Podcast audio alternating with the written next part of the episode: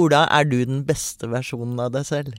Eh, ja, eh, nei, antageligvis ikke. For jeg syns det er litt for behagelig å late meg og ikke være det. Men eh, jeg bør kanskje prøve mer.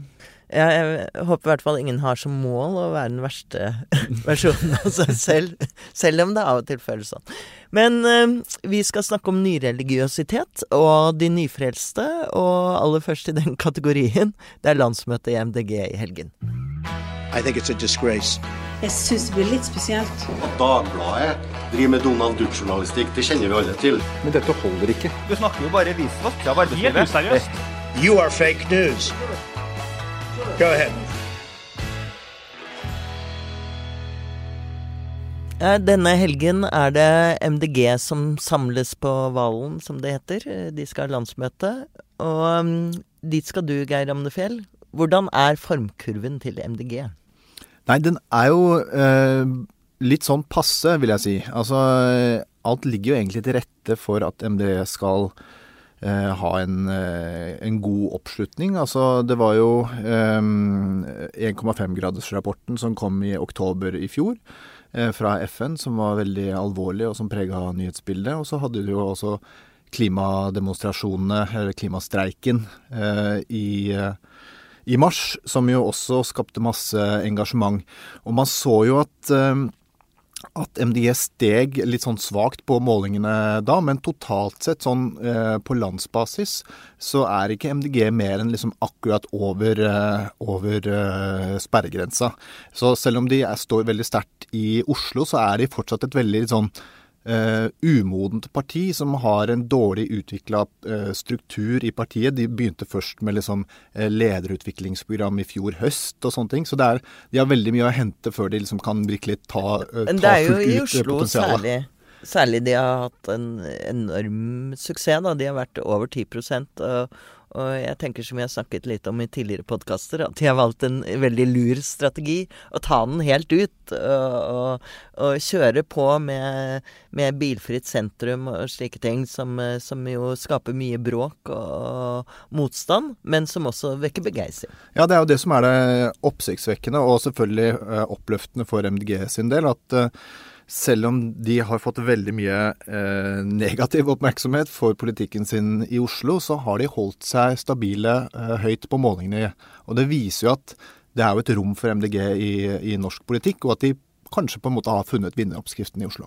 Men vi skal snakke om at klima endelig har fått sitt gjennombrudd i politikken. Andre tror kanskje lever i den villfarelse at det har hatt det lenge, men, men, men det har vi skrevet mye om i pressen. At nå skal det bli klimavalg, og så har det aldri blitt det. Men nå føler jeg liksom at, eh, at eh, klimasaken gjennomsyrer mange politikkområder. Det er selvfølgelig det grønne skiftet, oljeutvinning, når skal vi eh, med, eh, stoppe med oljeutvinning? Bompenger, vindkraft. eh, Senest nå er det skogsnæringen som vil at vi skal bruke trær i stedet for plast. Og da, og da krasjer de med miljøvernerne, så det skaper mye bråk og motsetninger også. Johannes Berg, du er valgforsker ved Institutt for samfunnsforskning, og du har jo vært en av de som hele tiden påpeker overfor oss at eh, nei, det var ikke et klimavalg. Men eh, har klimaet hatt sitt gjennombrudd nå? Jeg tror vi kan si det. Altså, klimasaken har eh, blitt viktigere over tid. Og så, så har det vært sånn at en del velgere har ment at klima, har lenge ment at klima var viktig. Eh, F.eks. ved stortingsvalget i 2005 så var det mange som sa at eh, klima var den viktigste saken, men så stemte de på andre partier enn på miljøpartiene. Sånn at det, egentlig hadde det ikke så mye å si for, for valgresultatet. Eh, Nå er det en mye sterkere sammenheng mellom hva folk mener om klima og hva de stemmer på. Eh, og vi ser også at eh, når vi studerer liksom, folks holdninger, så er klima det som, holdninger til klima det som på en måte henger best sammen. Eh, på samme måte som innvandring også er en sak som på en måte er høyt i folks bevissthet, og som, og som preger litt om hvordan folk tenker om politikk. Sånn har det også blitt med, med klima. Eh, og, og det gjør at eh, klima har blitt en konfliktlinje. Det er noen som, eh, som du sier, da, som Miljøpartiet De Grønne, SV, som, som tilhører klimasiden i, i, debatten, mens, mens det er noen som er veldig motstander av klimatiltak. Så det blir en konfliktlinje da, på lik linje med andre Ja, men I disse partiene finner man jo også de klassiske naturmiljøvernerne, ja. som, som, da protesterer mot vindkraftutbygging, f.eks. Mm, ja, og det er også et interessant, litt, litt nytt element at uh, altså miljø har lenge vært en, en, sak, kan man si, i norsk politikk. Og, og, klima og miljø smelter til dels sammen, men til dels er det også uh, noen motsetninger der. Også, at, at, det er på en måte to ulike konfliktlinjer. En som handler om klassisk miljøvern, ta vare på naturen, uh, hindre vannkraftutbygging, hindre uh, vindmøller osv. Uh, mens det da er en annen konfliktlinje knytta til, til uh, klima og miljø. De, de, de, fleste som ønsker en, en offensiv klimapolitikk, ønsker også en offensiv, offensiv miljøpolitikk, men, men, det er i hvert fall noen, noen skiller der likevel. Grete Thunberg har selvfølgelig fått mye oppmerksomhet, fordi alle liker en 15-åring som, som, står frem på verdensscenen på den måten hun har gjort. Men dette er jo en internasjonal trend i den forstand uh, Geir var inne på, at i Danmark er nå eh, klima blitt en av de viktigste sakene, eller den viktigste saken for velgerne. Mm. I Australia er det det samme, eh, på hver sin side av kloden også. Så det er en slags sånn ny kriseforståelse, virker det som uh, har nådd inn i politikken. Mm. Er det noe du også ser? Ja, jeg, jeg, tror også vi ser det på velgernivå da, blant, mm. uh, blant velgerne. Og, og, eh, det ser også ut til å være en, en økende sånn generasjonsgap når det gjelder syn på, på miljø og klima. Så, så, det er jo ikke tilfeldig at det da er ungdommer som går, som demonstrerer og, og streiker uh, osv. Så videre. sånn at den økte oppmerksomheten om klima, den, den kommer fra den yngre generasjonen. Uh, og, og, ja, og, vi ser på en måte et gap som er større enn det man har sett tidligere i, i norsk politikk mellom, mellom generasjonene. Uh, så, så, det er også et, et, et, nytt fenomen, og sier jo noe om fremtiden, selvsagt. At det er de unge som, som fronter denne saken, uh, først og fremst. Men hvordan modnes dette her? Jeg tenker at de som sliter når man får slike bevegelser og trender, er selvfølgelig de som har den kjedelige midt imellom politikken, som alltid. De som eh, vil fase ut oljeutvinningen eh, litt saktere og ikke sette eh, skru igjen kranen nå. Ser man det i, ser man det i det politiske landskapet her hjemme? Nei, altså, det som jeg tenker er interessant, er at det er ikke bare snakk om en bevissthet og et engasjement. Det er også en ny realitetsorientering i politikken. Altså, man, All samfunnsutvikling nå handler jo om at vi vet jo at om noen tiår så må utslippene betraktelig ned. Og dermed så må all politikken liksom skrus inn mot det. Og det betyr at alle, alle de politiske partiene må utvikle løsninger og prosjekter som som svarer på det behovet. Og dermed så blir det ikke sånn Før så var det sånn vekst mot vern, det var liksom samfunnsutvikling mot miljø. Nå er det, som, nå er det selve samfunnsutviklinga. Skal det være en grønn vekst, eller skal samfunnsutviklinga bare være grønn? Sånn at det, det på en måte flytter inn i mainstreamen av den politiske debatten. Og dermed så er det ikke bare liksom Miljøpartiet De Grønne som blir miljøpartier. Alle tvinges til å være miljøpartier på en eller annen måte. Ja, det tror jeg er riktig. Og også altså Partiet Høyre hadde jo ganske høy troverdighet på miljøsaken ved, ved sist uh, stortingsvalg. Uh, men likevel så er det også en, altså det er en, en helt reell konfliktlinje. Det er, ikke, det er, ikke, sånn at dette er en sak, en Valens-sak som mange sier, hvor alle er enige om målene, men man har litt ulike uh, virkemidler. Det, det, er virkelig motsetninger i, i, synet på ja, bompenger og andre klimatiltak som skaper et stort engasjement, kanskje delvis fordi det er ting som angår folks hverdag. da. Ja, liksom, det blir jo, det blir jo liksom den nye kranglesaken. På samme som Innvandring har liksom vært kranglesaken. Nå er det klima- og miljøspørsmål som blir den store kranglesaken. Altså, hva er det som virker? Eh, fungerer disse klimakuttene egentlig bedre et annet sted? Må jeg ta de? Ikke sant? Så, så dette her kommer egentlig til å forfølge oss de neste tiårene, sånn som jeg ser det. Men, men avisa The Guardian hadde en interessant eh, redaksjonell uh, kommentar her forleden, hvor de sa at eh, nå skal vi endre retorikken vår, rett og slett. Vi skal begynne å ikke kalle det klimaendringer, men vi skal kalle det en krise. vi skal slutte å snakke om klimaskeptikere, vi skal kalle det klimafornektere. Uh, og det jeg lurer på, er det noe rom etter hvert for disse klimafornekterne? Altså et parti Vi ser jo at Frp eh, sliter voldsomt nå med bompenge, bompengefornektelsen sin. Eller eh, hva var det du kalte det, Geir? Eh, bompengefloka? Ja, ja, den store bompengefloka. Ja. ja. Men, men er det rom for noen som rett og slett er klimafornektere? på det? Ja, altså blant partiene så er det vel ikke det, egentlig. Altså Selv Fremskrittspartiet ikke, har ikke en politikk eller står ikke i programmet at de benekter menneskeskapte klimaendringer. Men på velgernivå så, så finnes det jo en, en gruppe fremdeles som, som gjør det. Og, og, og, det er jo også uttrykk for denne, denne konfliktlinjen, at det, det, finnes noen som er veldig hardcore på, på den siden, som, som, benekter at klimaendringer er et problem, og, som dermed ja, er motstandere av alle slags klimatiltak. Det, det er nok en, en, gruppe som blir mindre over tid, og kanskje også eldre over tid. Eh, men, og døende. Eh, nettopp. Det er litt sånn KrF-ere. I, I, I, det lange løp. Klimaens KrF-ere. Nettopp. Så, så, det er helt klart en, en generasjonsutskiftning uh, som er på gang. Uh, og sånn er det jo av og til i politikken, at, at endringer skjer ved at nye generasjoner kommer. Så det man vil se, er at de politiske partiene vil utarbeide grader av klimatilpassede partiprogrammer som, hvor alle går inn for avvikling av oljeutvinning. ja, eller det blir i hvert fall sånn ulike måter å møte dette på. En annen ting som vi ser nå i horisonten, er liksom ok, hvordan, skal vi liksom, hvordan blir næringspolitikken vår? Hvordan skal vi bygge industrien vår i møte med liksom, uh, utfordringen om å skape et nullutslippssamfunn? Og da eh, driver nå Rødt og Tankesmien Manifest og på en måte den Eh, radikale venstresida i eh, Norge og mobilisere for at vi skal bruke av oljefondet for å finansiere dette. Og det utfordrer jo norsk politikk på en ny og ganske uvant, uh, uvant måte. Så det blir, liksom, det blir, nye politiske debatter som, som, som, som vi ikke har hatt før. da. Dette kjenner vi igjen fra Frp, som, eller kanskje særlig Carl I. Hagen, som vil finansiere alt med oljefondet. Men, men, nå er det jo for en god sak. Vil det da kanskje være litt mer på glid? Ja, det er nettopp det. Altså, det, det, er lett å mobilisere på det.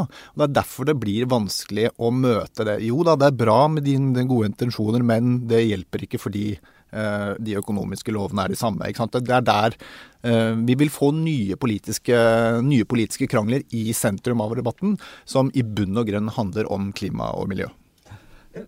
Ja, det er veldig interessant. og Det, det, det er klart det skjer mye eh, nytt på liksom, det politiske nivået mellom partiene osv. Men hvis man ser på velgernivå, så er det av og til uh, påfallende hvor, uh, hvor, hvordan dette faller inn i et etablert mønster blant velgerne. Man finner, Vi snakket om nevne innvandring i stad. altså det Syn på innvandring og syn på klimaendringer henger jo veldig nært sammen. så En del forskere mener at dette er liksom en ny konfliktdimensjon hvor, hvor flere av disse sakene henger sammen, og, og, og hvor de hva skal man si, litt reaksjonære står mot de som, eh, de som eh, ønsker eh, klimatiltak velkommen, og kanskje ønsker en mer liberalisert innvandringspolitikk også. Jeg så jo nå i EU-valget EU at rapporter om at, om at ytre høyrepartiene i Europa de fordi innvandringssaken nå ikke er like brennhet, for de har jo sperra inngangen til Europa uansett, så mobiliserer de på klima, klimasaken. Det er der de på en måte henter velgere, da. Mm. Men man, vi har snakket om innvandringsflom og strøm, men, eh, men, når flommen kommer innover Østlandet, så har alle en tendens til å, til å støtte opp om klimatiltak. Eh, men til høsten har vi et eh, lokalvalg. Eh, hvordan tror du, Johannes, at, eh, at det vil påvirke Vil det gå inn der òg? Ja, altså lokalvalg handler jo ofte litt om lokale saker og lokale forhold. Og det er klart de, lokale klimatiltakene, og det er særlig lett å tenke på bompenger, eh, vil nok bli en sak i, kommunevalget. Det tror jeg. Og, og, sånn vil det sikkert være i lokalpolitikken eh, videre eh, fremover. Bilfritt sentrum, eh, alle de mulige tiltakene man innfører både for å kollektivtrafikken og, og begrense bilbruken. Så, og det er jo det som kjennetegner den saken, klimasaken, at den den, den preger alle nivåer i, i politikken, da, altså det lokale. Mm. Det vi vel kan slå fast, er at den eh, lokale Oslo-lista Ja til bilen vil slite litt fremover. Takk for at du kom, Johannes Berg.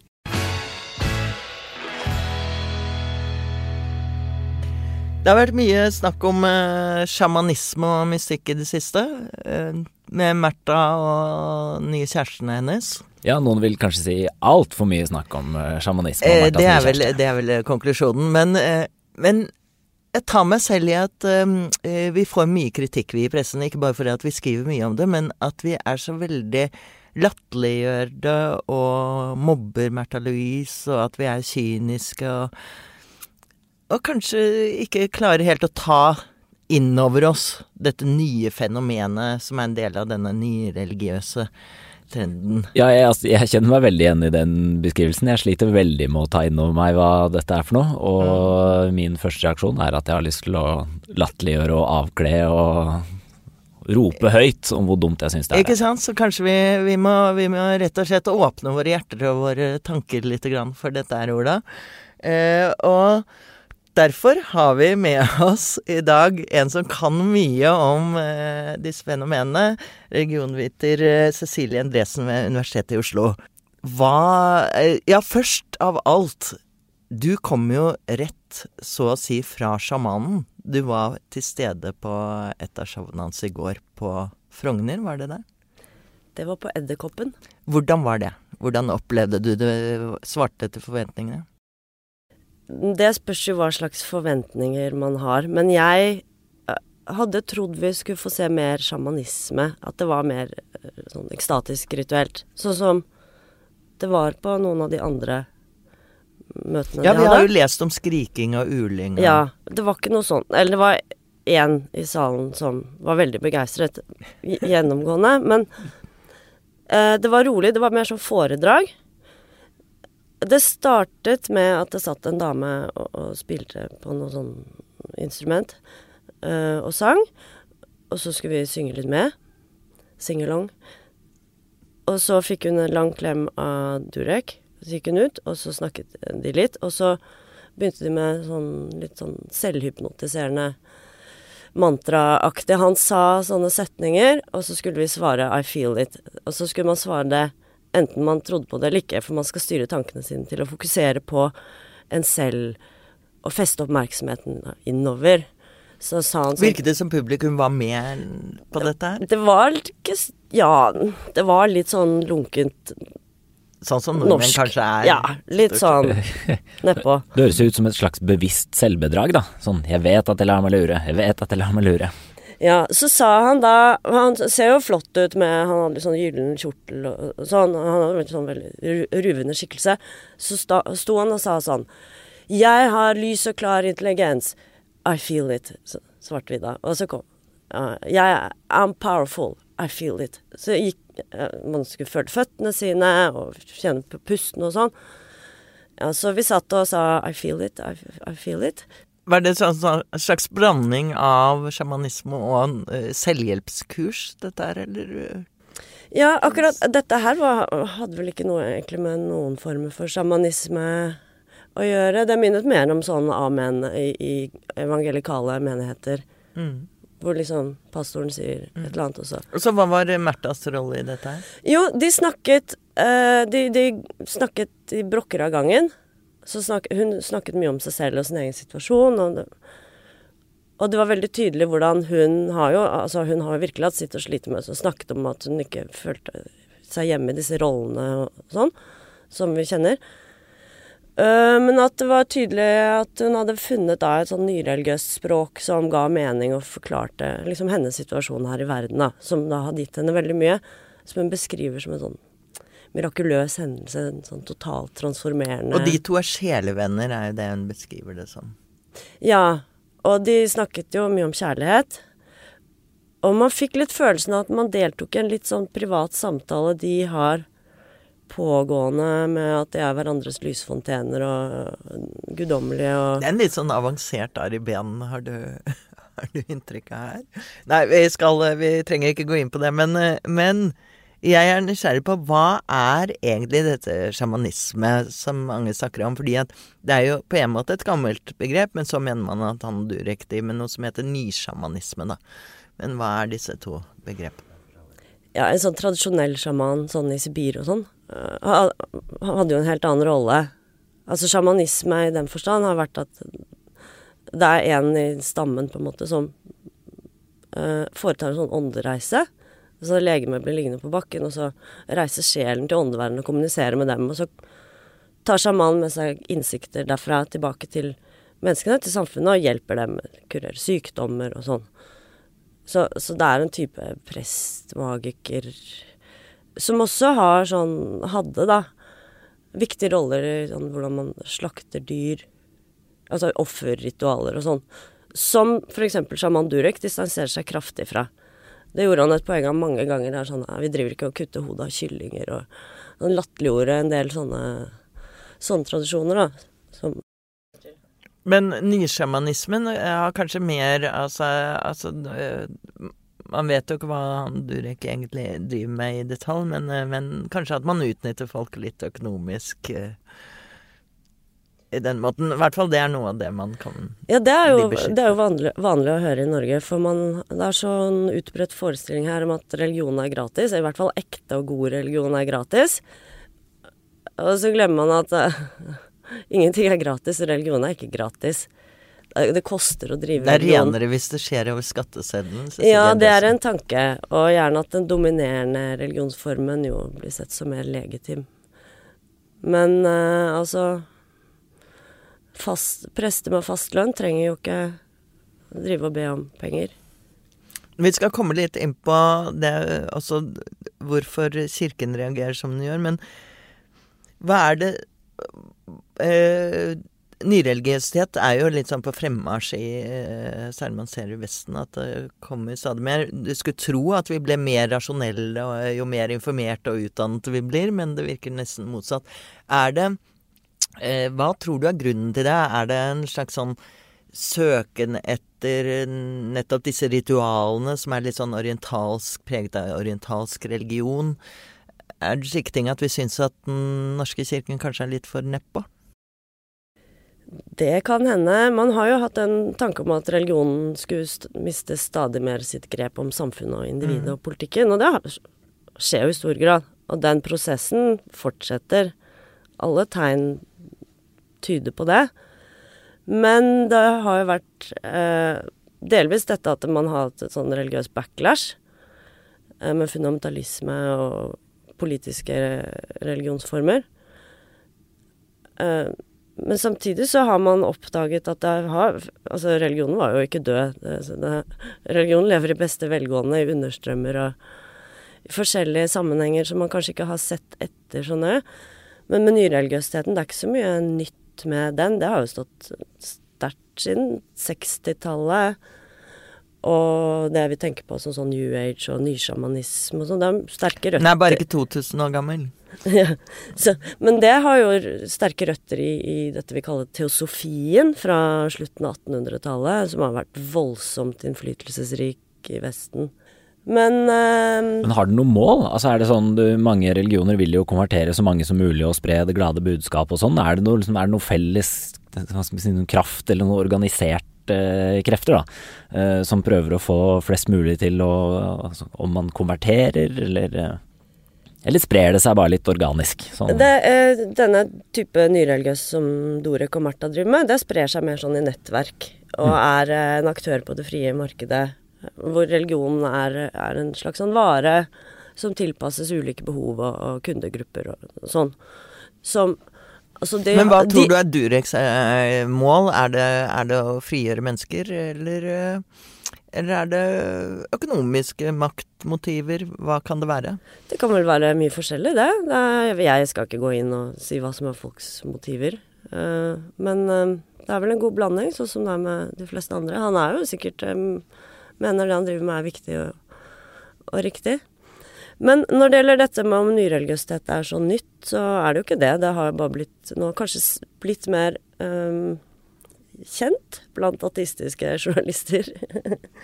som ikke har liksom fått med seg at folk faktisk er religiøse og tror og gjør mye rart. Men det har de alltid gjort. Mm. Men eh, vi har jo i Norge så har vi jo for så vidt uh, hatt mye overtro opp gjennom årene, i tillegg til det Dagbladet kaller overtroen, store overtroen. Men uh, vi har jo i dag Snåsamannen. Tidligere hadde vi en kar som Marcello Haugen, som uh, jo var kjent, men kanskje er glemt nå. Ja, han var jo en interessant figur. Kanskje litt sånn samme type på mange måter som Durek. Eh, han var jo veldig kjent. Han var, riks, uh, han var sånn rikshealer. Han døde vel i 1967 eller noe.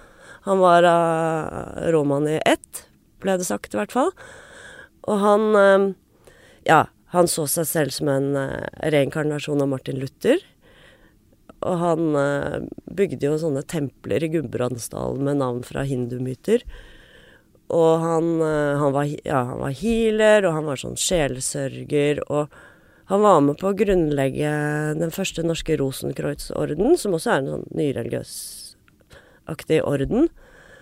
Og hva mer drev han med? Uh, ja, altså Han drev med mye forskjellig, da. Og han var veldig liksom uh, Stueren. akseptert. Han Ja. var jo på, jeg tror han var på Erik Bye og Ja. Så folk kjøpte det, liksom? Jeg er Martin Luther. Ja, eller syns i hvert fall Ja, Om de var skeptiske, så var de jo i hvert fall syntes at det var greit. Artig kar, kan ikke skade å prøve. Ja. Eh, altså sånn eh, Som jeg sa i går Altså I moren min sin familie så var det jo ingen som trodde på dette, men de fant De lette etter en sånn viktig nøkkel som de ikke fant. Så da ba de om hjelp, og så dukket den opp, da. På mirakuløst vis. Så eh, han var jo veldig kjent og veldig populær, og mange kom og benyttet seg av Og det er litt sånn som. Snåsamannen nå, som du hører at tidligere statsråder ringer for å få slutt på at babyen skriker av kolikk, og det Ja. Eh, nå er det er litt sånn forskjellig det, Verdensbildene er litt forskjellige med Snåsamannen og, og, og Durek. For Snåsamannen eh, liksom forklarer det ut fra kristent verdensbilde, hvor det er Gud som er den aktive kraften. Men i Durek sitt verdensbilde så er det eh, sånn et magisk, eh, mystisk univers hvor, hvor, hvor alle de forskjellige delene henger sammen og påvirker hverandre på sånne merkelige måter. Og i går så var ikke det er så veldig tydelig, men det kommer frem i noen sånne ting han forteller. Han fortalte f.eks. For om uh, uh, Han er veldig opptatt av tankens makt, eller tankens kraft, som Altså, tenkning er, har magiske konsekvenser på verden rundt. Det er liksom greia. Så fortalte han da om en sånn dame som hadde sagt til han at han var, øh, hun var bekymret fordi datteren sti- skulle til Guatemala, hva hvis hun ble kidnappet. Og da stoppet Durek henne og sa nå må du ikke si det, for det, ordene dine har kraft. Så når du uttaler dette her, så, så liksom allerede så kan det virke sånn at det kan Du har skapt et bilde som gjør at kanskje kidnappere vil tenke at de kan kidnappe datteren din. Så at det er en sånn magisk Oi, det var ikke tenkning. veldig beroligende for, eh, for eh, denne kvinnen. Men, eh, men hva slags publikum var det egentlig som var i salen? Tydet det på Altså Vanligvis så tenker jeg de som ser på hva heter det, Åndenes makt og slike ting, at det er litt sånn popkultur eller lavkultur. Men, men nå, kanskje med Märtha Louise, så er det blitt hevet opp litt. Ja, det var, det var Noen var mer sånn kanskje det man forbinder med åndenes makt og, og synske damer i ukebladene fra 80-tallet. Sånn type. Svart hår. Og veldig, Bendris, veldig eh, tydelig eh, Ja, litt sånn. Eh, men mange var altså blonde kvinner med fine klær på sånn 30-40-50. Det var en flertallet, vil jeg si. Frogner-segmentet, det er de Frogners Märtha Det kan hende. Det kan jo hende at det var mye av vennene hennes Men denne Altså, kvinner i den alderen er jo veldig overrepresentert i, i nyreligiøse søkende miljøer. Det er eh, påfallende kanskje at det er eh, mannlige ledere, og så er det kvinner i salen også. Eh, ja, sånn er det jo gjerne, men det fins mye kvinnelige sjamaner også. Mm. Og Märtha spilte en like stor rolle, selv om han er nok mer sånn dominerende. Han tar liksom mer av plassen, føler jeg. Men de var begge to Det, det syns jeg var litt interessant, for de snakket jo veldig mye om at man må liksom kvitte seg med negative energier og sånn. Men så hadde de en litt sånn negativ tone selv. Og de klagde mye over hvordan andre Ja, de- tenker. Nettopp fordi at de har kjeftet blant annet på oss i pressen. Men, men eh, rent til slutt, du som er eh, vet om religion. Eh, kirken eh, sa jo først ja til at de skulle komme, og så sa de nei fordi de fryktet liksom sammenblandingen her. Har, eh, har er den tra tradisjonelle religionen er de, er de redde for dette nye fenomenet? Ja, altså en konkurransesituasjon er jo alltid litt skummelt. Eh, Kirken har mistet sitt monopol. Men er det truende her i Norge òg? Vi liker jo å tro at vi er litt sånn nedpå Ja, for hvem tenker du på? Altså Ja, for kirken som- folkekirken, da. Ja, folkekirken. Men nå er det jo mye av dette som antageligvis foregår inn blant de statskirkekristne, da, som ikke ser noen motsetning mellom å, å liksom dette... opprettholde disse sosiale, tradisjonelle ritene med dåp og jeg ser her faktisk sånn. en parallell mellom monarkiet og sjamanismen. At uh, republikanere omfavner monarkiet, og statskirkemedlemmer omfavner sjamanismen også. At de kan leve side ved side, og vi må tolerere hverandre. Men nå er i hvert fall vi i pressen uh, i hvert fall vi to representanter her inne blitt litt uh, mer opplyst. Vi skal være åpne for dette her neste gang. Tror jeg nesten må gå selv.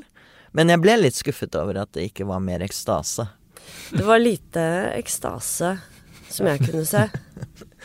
jeg, får, jeg, får, komme og bidra med litt ekstase neste gang. Tusen takk for at du kom, Cecilie Endresen.